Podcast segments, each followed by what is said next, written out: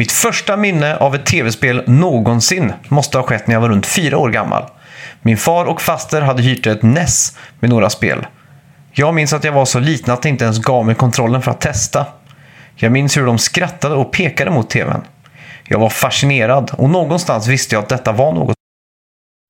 Jag tänkte att jag skulle gå igenom mina minnen och mitt liv med spel. Mitt namn är Max och välkommen till mitt sommarprat.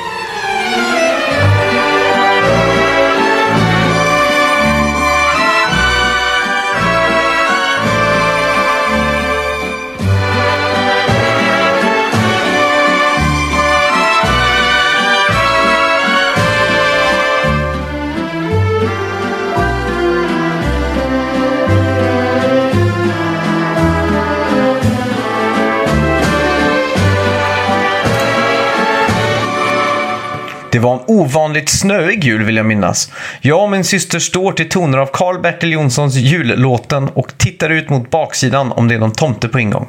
Plötsligt knackar det på dörren och vi springer likt en blå videospelsmaskot mot dörren. Dörren öppnas och där står farfar i tomtedräkt. Ja, det var inte svårt att lista ut att det var han som var tomten. Klapputdelningen och öppningen går som på räls. Och jag fick det jag önskade mig. En hockeyhjälm med galler. Jag hade inga övriga hockeyprylar eller något större intresse för hockey. Jag bara tyckte att det var coolt med en hockeyhjälm med galler. Så jag satt där med tomteskum i min hand och hockeyhjälm med galler på huvudet när min ömma moder plötsligt kommer in i vardagsrummet med ett stort paket och säger att det här är till Max och pappa, min ömma fader. Vi öppnar paketet och möts av en svart plastgrej med röda knappar på. Det var ett Sega Mega Drive 2 med Sonic the Hedgehog 2. Komplett med två kontroller. Jag visste inte riktigt vad det här var, men min far som gammal alkadräv smittar av sin entusiasm på mig och börjar koppla upp det till tvn. Kvällen lider mot sitt slut och alla går och lägger sig, förutom oss. Vi startar upp Sonic the Hedgehog 2. Färgerna, faktum att man faktiskt styrde något på skärmen, musiken och allt det andra. Och mitt liv skulle för alltid vara förändrat.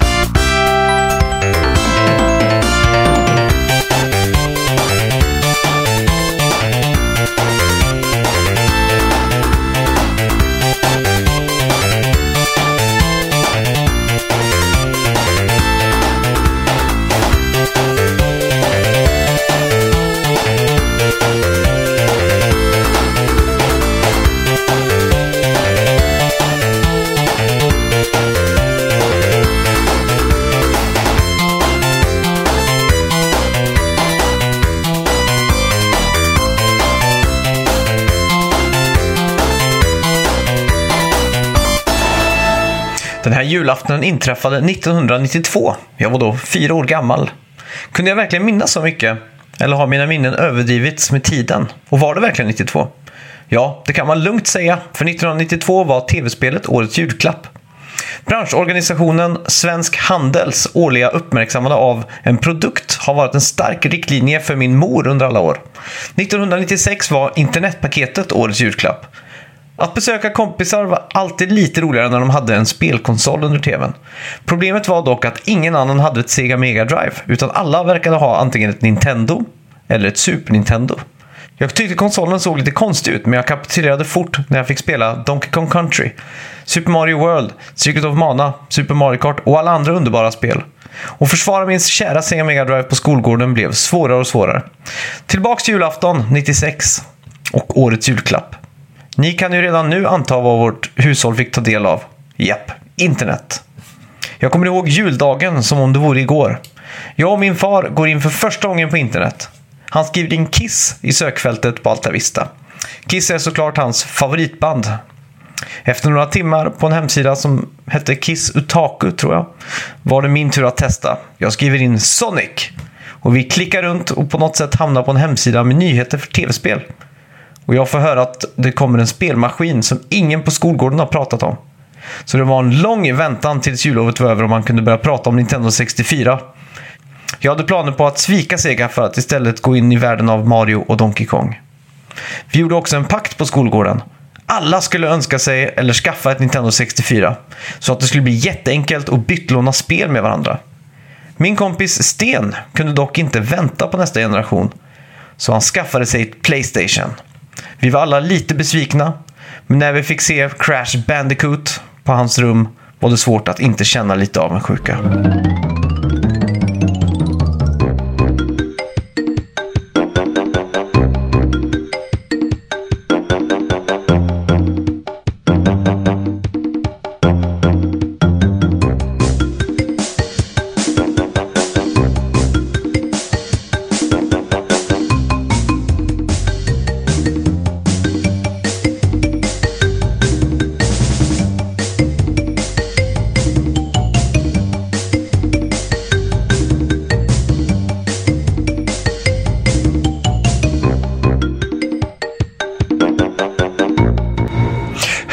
Kom med födelsedag och Nintendo 64.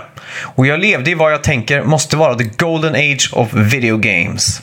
Jag spelade Super Mario Kart, Mystical Ninja starring Geomon, fyra player dödsmatcher i Goldeneye, Banjo-Kazooie, Diddy Kong Racing, Mario Party, som eh, mördade handflatan mer eller mindre. San Francisco Rush, Blast Corps, Mario Tennis. Ja, listan kan bli hur lång som helst här. I den här vevan på Konsum fick jag också stifta bekantskap med tidningen Superplay. Min mor var väldigt glad över att jag visade intresse för att faktiskt läsa någonting. Så hon skaffade mig gladligen en prenumeration. Superplay blev snabbt en bibel. Intervjuer med spelskapare från vad som var världens coolaste land, Japan. Tips och tricks, alltså tips och även ibland fuskkoder för spel. Recensioner. Inget gjorde en så sugen på ett Playstation som att läsa Superplays recensioner av alla fantastiska spel som släpptes på konsolen. Som tur är var Sten bara ett stenkast ifrån. Och man kunde genom han få uppleva alla japanska RPG man läste om. Chrono Cross, Final Fantasy 7, 8, 9, Sudoken, Wild Arms, Parasite Eve, Grandia, Breath of Fire. Ja, listan kan också göras lång här. Det var verkligen the golden age of gaming.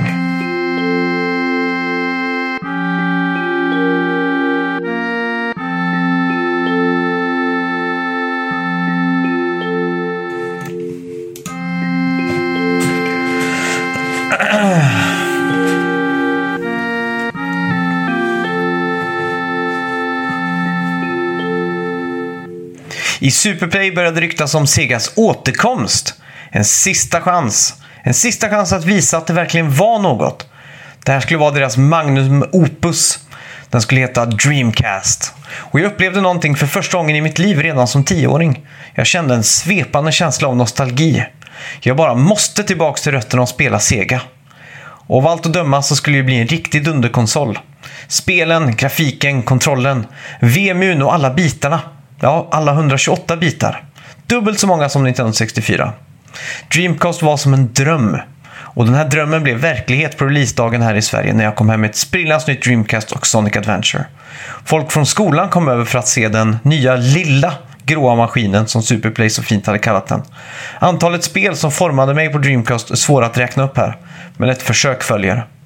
Powerstone 1 och 2, Resident Evil Code Veronica, Tony Oaks Pro Skater, Crazy Taxi, Speed Demons, Jet Set Radio, som jag älskade Jet Set Radio, Fantasy Star Online, Soul Calibur, men ett spel hade jag förbokat och väntade extra mycket på. Det var det mest hypade och dyraste spelet som någonsin hade utvecklats. Det var verkligen ett Titanic.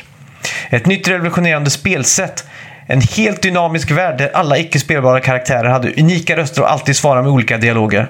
Spelet skulle blanda RPG, fighting, äventyr och även en ny form av spel. Ett cinematiskt väg att spela kallad QTE, eller Quick Time Events. Yu Suzuki, som ligger bakom det här, var i min bok lika med Shigeru Miyamoto vid det här laget. Jag hade förbokat Shenmue. Det skulle släppas på fredagen. Förbokat hade jag såklart inte gjort på vår lokala videospelsbutik. Det var lite för opålitliga.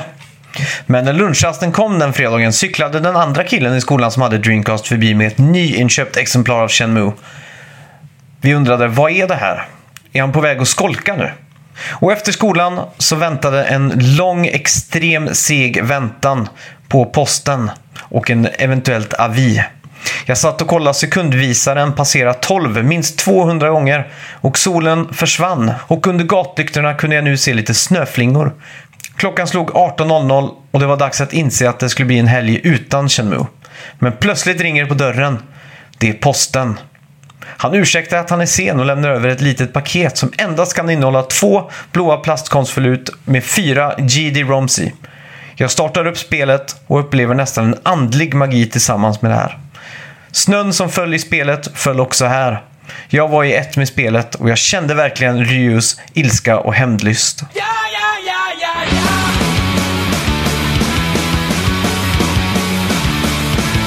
Day after day,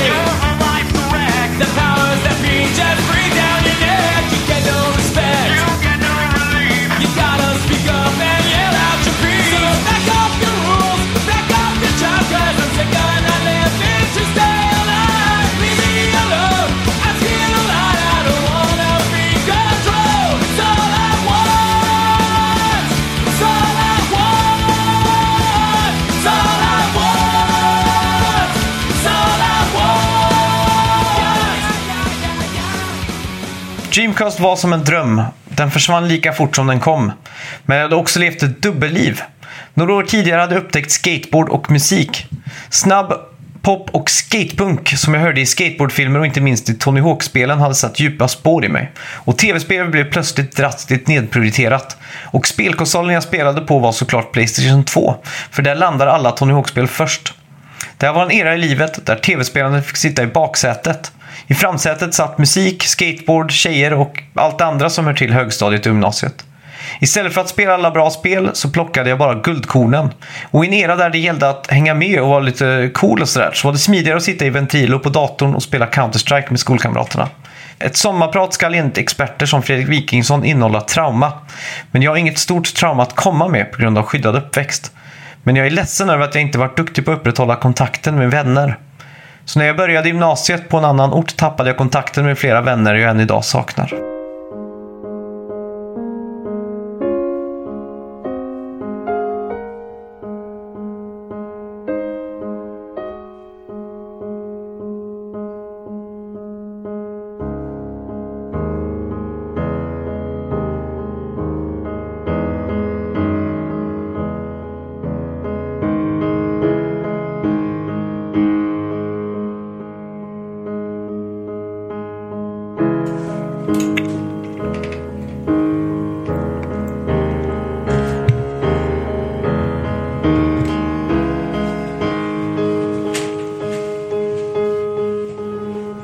Xbox 360 var relativt nytt. Playstation 3 skulle inte komma förrän om ett år. Så när jag fick chansen att köpa ett Xbox Premium med Need for Speed Most Wanted kunde jag inte hålla mig. Jag hade många fina spelkvällar med mitt Xbox 360 och Gears of War. Xbox 360 var också, och många andras, första möte med online-spelande på konsol. Konsolen kom till och med med ett headset så det var enkelt att prata med folk man spelade med.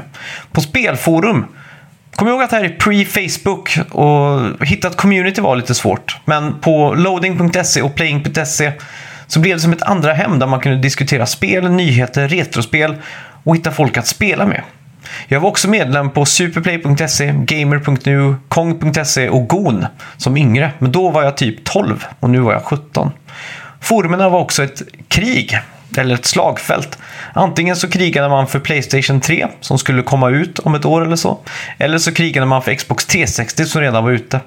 Efter två Red Lights of Doom så var jag inte så jättesugen på att uh, skaffa ett nytt Xbox 360. Och då var det ju bara att börja hypa den kommande Playstation 3-releasen. Playstation 3 skulle ju också kosta en smärre förmögenhet, så det var bara att ta ett sommarjobb och börja spara. Efter sommaren hade jag sparat ihop till inte bara Playstation 3 utan också en ny TV eftersom att HD var på ingång. Alltså High Definition. Hösten landade i ett mycket stort antiklimax när vi alla fick reda på att Playstation 3 hade blivit försenat från november 2006 till 23 mars 2007. Jag tror inte fem månader har känts segare i hela mitt liv. Som tur är gick jag sista året på gymnasiet och jag hade börjat pendla. Jag hade nästan tre timmar varje dag att döda på ett tåg och PSP blev min trogne följeslagare. I en pre-iPhone-era var en bärbar spelkonsol som också kunde spela video och mp3-filer en godsend. Det fina med spelforumen jag hängde på var att man delade med oss av tips och tricks och så vidare. Och nycklarna till en ny värld fick jag i form av en custom firmware. Plötsligt kunde jag spela Super Nintendo, Sega Mega Drive, Playstation 1-klassiker som jag missat och alla de underbara Playstation Portable-spelen. PSP var en magisk liten maskin som verkligen räddade mitt sista år i gymnasiet.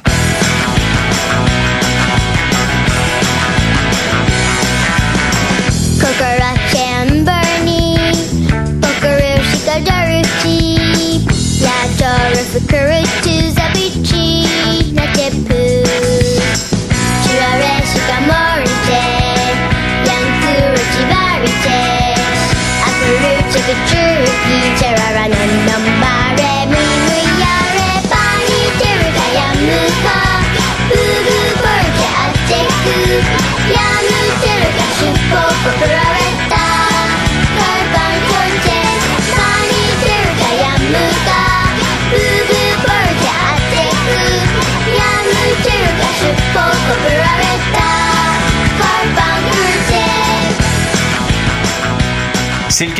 Festmaskin, Playstation 3 var! Inte nog med att vi kunde spela Pixel Junk Monsters och Singstar, kunde man också sätta upp mediaserver på datorn och sen dela med sig av alla filmer, musikvideos och konserter man hade lagrat på de där gamla snurrande hårddiskarna. Man kunde till och med stoppa in ett minneskort från kameran och kolla hur vi lät i replokalen för bara några timmar sedan. Helt magiskt! Men det mest magiska var såklart spelen. Metal Gear Solid 4, Uncharted 1, 2 och 3, Bioshock 1, 2 och 3, Motorstorm 1 och 2, 3 spelar jag faktiskt inte så mycket, God of War 3, GTA 4, Heavy Rain, The Orange Box, Call of Duty 4, Modern Warfare, Fallout 3, Little Big Planet. Ja, listan kan göras hur lång som helst. Det var också med Playstation 3 jag fick min första lägenhet. Som jag fortfarande bor i, tragiskt nog. Eller? Jag vet inte. Och på inflyttningsfesten var det såklart turnering i Virtua Tennis 3. Jag tänker alltid på mitt liv i eror och de erorna går alltid 1-1 med konsolgenerationerna. Hela Playstation 3-generationen var lång och bitvis utdragen. Parallellt med min gamingkarriär försökte jag så gott som det gick att slå igenom med ett band och vara butikschef. Det blev lite väl hektiskt. Jag såg ett Playstation 4 i horisonten och då var det dags för en ny generation och en ny era.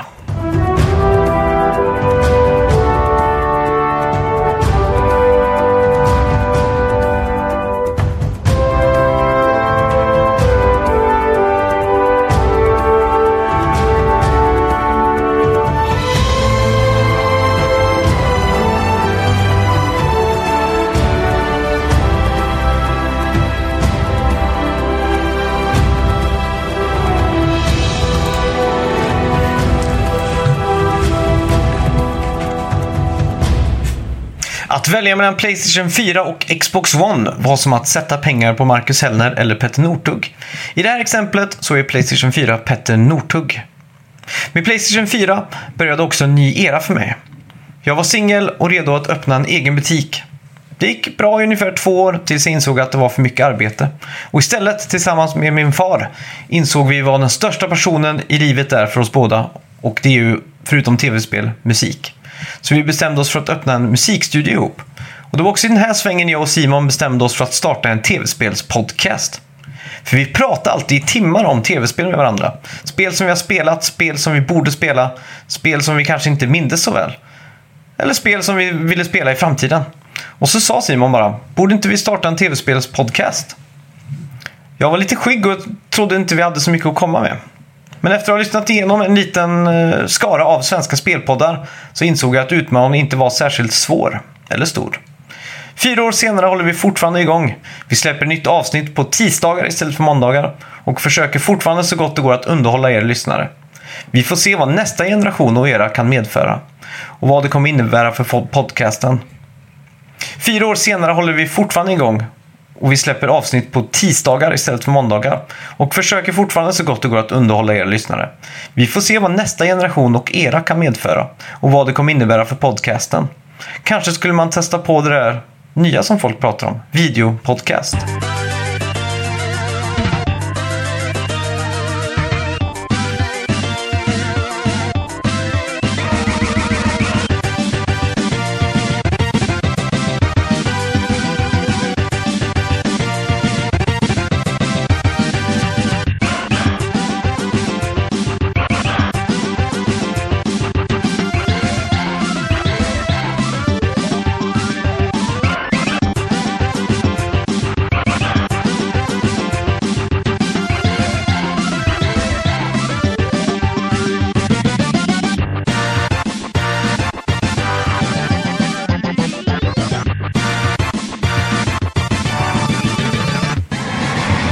Ja, tack så mycket för att ni har lyssnat på mitt extremt dåliga och cringeiga sommarprat. Stora citattecken i slutet och början på sommarprat. Eh, I alla fall, tack så mycket för att ni, eh, att ni lyssnar på podden i överlag. Och eh, vi ser det här lite som en semester för oss två, för att jag är bortrest och där, ja, Simon spelar in sitt på, på håll och jag spelar in på håll också. Så att Eh, vi är tillbaka som vanligt om två veckor tror jag det blir. Och eh, tills dess så hörs vi. Tack så mycket. Hej!